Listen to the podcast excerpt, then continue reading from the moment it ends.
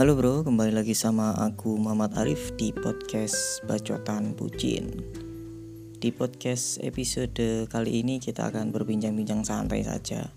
Karena episode kali ini adalah episode terakhir di tahun 2019 Kita flashback-flashback aja di tahun 2019 kita ngapain aja. Khususnya aku akan membahas tentang apa yang terjadi di podcast Bacotan Bucin dan juga kisah perbucinan tahun 2019 kita awali di awal tahun yaitu bulan Januari tepatnya waktu itu aku lagi liburan kuliah. Jadi aku di Jombang liburan kuliah nganggur gak ngapa-ngapain ya. Cuma nulis buat buat artikel web waktu itu. Di bulan Januari juga aku mendapatkan sebuah motivasi waktu itu ya. Jadi ada seseorang yang aku suka mengatakan bahwa aku akan berusaha mencintaimu. Dia berkata seperti itu. Dia adalah orang yang dulunya dulunya pernah mengisi sebagian hatiku ya. Orang yang sangat aku sukai waktu itu. Dan pada bulan Oktober kalau nggak Desember ya, kalau nggak November juga, aku mengungkapkan perasaanku dan nggak ditolak sih cuma digantung jadi sampai sekarang pun nggak tahu jawabannya apa ya. Tapi yang jelas dia kayaknya nggak mau sih sama aku. Nah karena aku jelek kurang berwibawa ataupun apa ya nggak tahu. Tapi pada bulan Januari si cewek ini berkata bahwa aku berusaha untuk mencintaimu.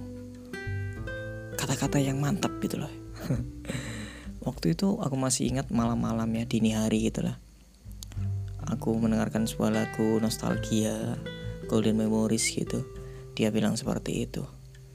Lalu keesokan harinya tepatnya jam berapa ya? Oh, kayaknya masih hari itu. Jam 12an kita teleponan sampai jam 4 waktu itu adalah rekor telepon terlamaku 4 jam. Sebelum dipatahkan oleh pacarku. 5 jam wis keren banget ya pacarku. Januari itu adalah Januari yang cukup cukup menyenangkan ya waktu itu karena aku memiliki sedikit harapan untuk memiliki orang yang pernah aku sukai. Meskipun sebenarnya waktu itu aku sudah melupakannya ya udah mulai apa ya nggak peduli lagi dengan perasaanku sama dia. Aku udah mengalihkan fokusku ke website aku udah aku udah mengalihkan fokus ke Instagram dan aku sudah mengalihkan fokus-fokus nggak ke anak itu lagi. Udah nggak apa ya nggak terfikirkan gitu namun tiba-tiba dia datang begitu saja dan bilang seperti itu. Aku akan berusaha mencintaimu. Ya aku antara terkejut dan senang sih. Lalu aku bercerita ke teman-temanku sahabat-sahabatku deket. Eh aku ini nih si cewek yang pernah aku deketin dan yang waktu itu ditolak. Kemarin tiba-tiba dia bilang katanya dia mau berusaha untuk mencintai aku. Gimana nih enaknya kata temanku nggak usah direspon. Mungkin itu dia lelah menanti seseorang. Makanya dia seperti itu. Ya aku sih nggak terlalu mendengarkan ya waktu itu. Bodohnya aku sih nggak terlalu mendengarkan. Ya aku diberi harapan selama beberapa bulan. Sampai mentok bulan Maret kalau nggak salah teman-teman. Nah itu aku baru tahu bahwa dia habis apa ya di Januari itu waktu dia bilang berusaha mencintaiku di malam kejadian itu ada sebuah kejadian yang membuat dia sakit hati. Itu orang yang dia sukai menghilang alias nggak ada kabar sama sekali. Dan iya teman-teman pasti nyadar bahwa aku menjadi pelarian semata. Ya dulu aku emang sangat-sangat goblok sih tapi nggak apa-apa itu adalah pengalaman berhargaku untuk menghadapi kisah-kisah cintaku selanjutnya termasuk dengan pacarku yang sekarang. Dari pengalaman itu kan aku bisa mengambil nilai bahwa ternyata orang yang aku sukai dulu itu bisa aja itu memanfaatkan aku seperti itu melampiaskan perasaannya yang apa ya yang patah hati karena orang lain lalu dilampiaskan ke aku yang suka dengan dia nah dengan itu berarti aku harus lebih menjaga pacarku saat ini. Gitu. jangan pernah membuat dia sakit hati ataupun meng mencampakkan dia. Karena dia juga butuh perhatian dari kita. Butuh perhatian dari aku ya bukan dari kita. Kalian pendengar ya bukan. Soalnya itu pacar aku bro. Jangan rebut loh oke kita lanjut ya. Di bulan April.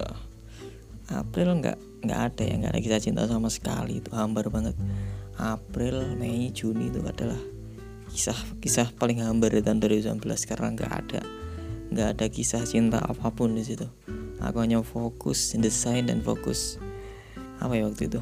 Fokus nulis saja jadi kegiatan selain itu apaan sih apaan sih gitu ya. Lalu memasuki akhir Juni aku mulai dekat dengan seseorang. Orang ini adalah salah satu teman dari sahabatku. Aku mulai kenalan dengan dia mulai asik. Ternyata anaknya asik ya. Waktu itu pertama kali aku ngechat lumayan asik itu di kereta. Waktu aku pulang dari Madura ke Jombang asik ngomongin tentang apa ya tentang apa pun lah pokoknya asik banget itu dan juga sebelum itu kami juga pernah uh, ngobrol tentang pandangan kita tentang jodoh idealisme kita tentang jodoh. Di akhir Juni itu aku kenalan dengan dia dan cukup dekat beberapa hari dekat dan tiba-tiba aku ada perasaan yang aneh gitu teman-teman. Aku mulai suka dengan dia. Lalu aku mulai lebih lebih perhatian yang lebih. Aku mulai meluangkan banyak waktu untuk dia. Bahkan waktu untuk desain. Waktu itu ya waktu itu aku masih ada orderan desain. Itu bahkan aku sisihkan sebagian untuk sekedar ngechat dia ataupun teleponan sama dia. Dan akhirnya pada bulan Juli kita ketemuan dan aku mengungkapkan perasaanku ke dia. Ya dia adalah pacarku saat ini. Memang PDKT-nya nggak terlalu lama ya. Tapi aku yakin dia bukan orang yang salah untukku Kenapa kok bisa seyakin itu? Karena aku merasa sangat-sangat cocok dengan dia. Merasa sangat nyaman dan apa ya? Gak ada masalah sama sekali gitu loh.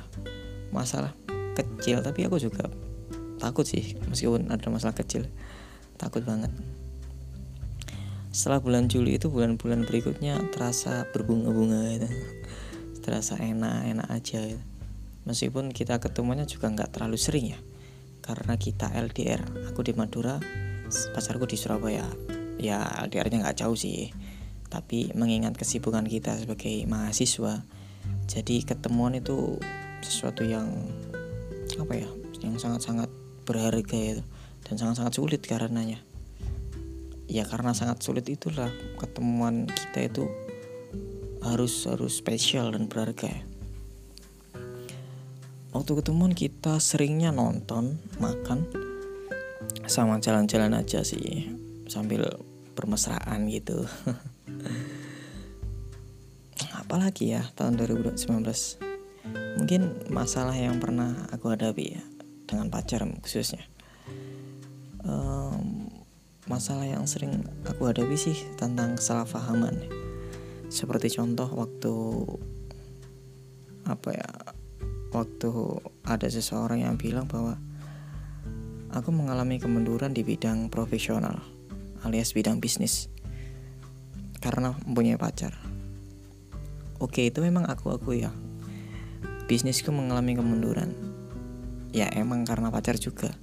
Tapi aku nggak menyalahkan pacar, aku menyalahkan diriku sendiri. Karena adalah konsekuensi apa ya adaptasi saat kita belum bisa membagi waktu untuk pacaran untuk profesional kita. Ya oke okay lah itu salah. Tapi ya itu adalah salah satu pengorbanan bro. Kita nggak bisa balance dua-duanya di awal-awal. Ya lambat laun pasti akan balance dengan sendirinya. Itu adalah tentang kebiasaan aja. Dan gimana pacar kita ngertiin tentang hal itu sekarang sih ya meskipun bisnisnya nggak terlalu lancar seperti dulu ya tapi udah mulai go udah mulai apa yang merangkak ke atas gitu loh teman-teman. Jadi kita slow aja kalau masalah gitu itu. Ya emang pasti turun. Kalian pacaran apakah mempengaruhi? Jelas mempengaruhi. Meskipun itu LDR ataupun enggak pasti mempengaruhi. Jadi relax. Lalu masalah tentang mantan nah ini cukup sensitif banget untuk kita berdua. Waktu pacarku bahas mantannya aku marah-marah marah banget malah waktu aku bahas mantanku pacarku juga marah banget. Ini pacar seperti apa ya? Seperti fobia untuk kita berdua. Sangat-sangat nggak dianjurkan untuk dibahas gitu loh. Bahkan yang terakhir ini di bulan Desember akhir ini aku membahas salah satu mantan ya. Dan dia marah banget gitu aku takut banget teman-teman dia bilang nggak percaya lagi dia bilang kecewa tuh padahal maksudku nggak gitu gitu loh. Aku cuma bilang bahwa tiba-tiba ingat aja waktu dengerin lagu. Ya soalnya dulu aku pernah nulis dan dengerin lagu itu gitu loh. Tapi gimana lagi salah paham ya. Padahal itu kan masa lalu gitu loh. Ya ya oke okay lah. Dia cemburu oke okay, nggak apa-apa. Memang semua kasusnya dibalik juga aku pasti marah dan cemburu. Ya masa lalu biarkanlah berlalu lah biarkanlah menjadi kenangan. Nggak perlu diungkit-ungkit lagi. Biarkanlah menjadi pembelajaran untuk kita di hubungan kita selanjutnya. Jadi ya untuk tahun 2019 akhir ini jika kita mengaca pada tahun 2019 dari awal sampai akhir khususnya di kisah perbucinanku ya ya kita harus menghargai perasaan wanita kita jangan pernah membahas masa lalu yang mungkin dapat menyakiti dia yang mungkin bisa membuat dia tersinggung ataupun membuat dia merasa terkucilkan, merasa dirinya kecil daripada mantannya. Ya biarlah masa lalu itu terkubur dan cukup kamu aja yang tahu, nggak usah pacarmu juga aku tahu gitu loh. Ya meskipun nanti belak-belakan tentang pacar, ya tentang mantan nggak apa-apa. Ya itu ada waktunya bro. Ketika kalian sudah mulai apa ya, sudah mulai mengerti perasaan masing-masing dan itu waktunya nggak sementara itu pasti membutuhkan waktu yang cukup lama karena hubungan yang seperti itu pasti hubungan yang yang sangat-sangat stabil dan udah di jenjang yang sangat tinggi gitu loh udah hampir nikah lah kesimpulannya kita harus menghargai perasaan pacar kita sekarang ini. Dan kita harus menjaganya juga. Menjaganya sepenuh hati. Jangan pernah melepaskan dia. Jangan sampai kamu menyesal karena menyanyiakan doimu saat ini. Oke bro, itulah kata-kata terakhir di tahun 2019. Semoga di tahun 2020 nanti aku bisa memberikan podcast podcast yang berkualitas dan juga menginspirasi teman-teman yang tentunya teman-teman yang bucin ya. Kalau nggak bucin nggak apa-apa sih dengerin podcast ini. Tapi pasti kalian pengen pacaran nanti.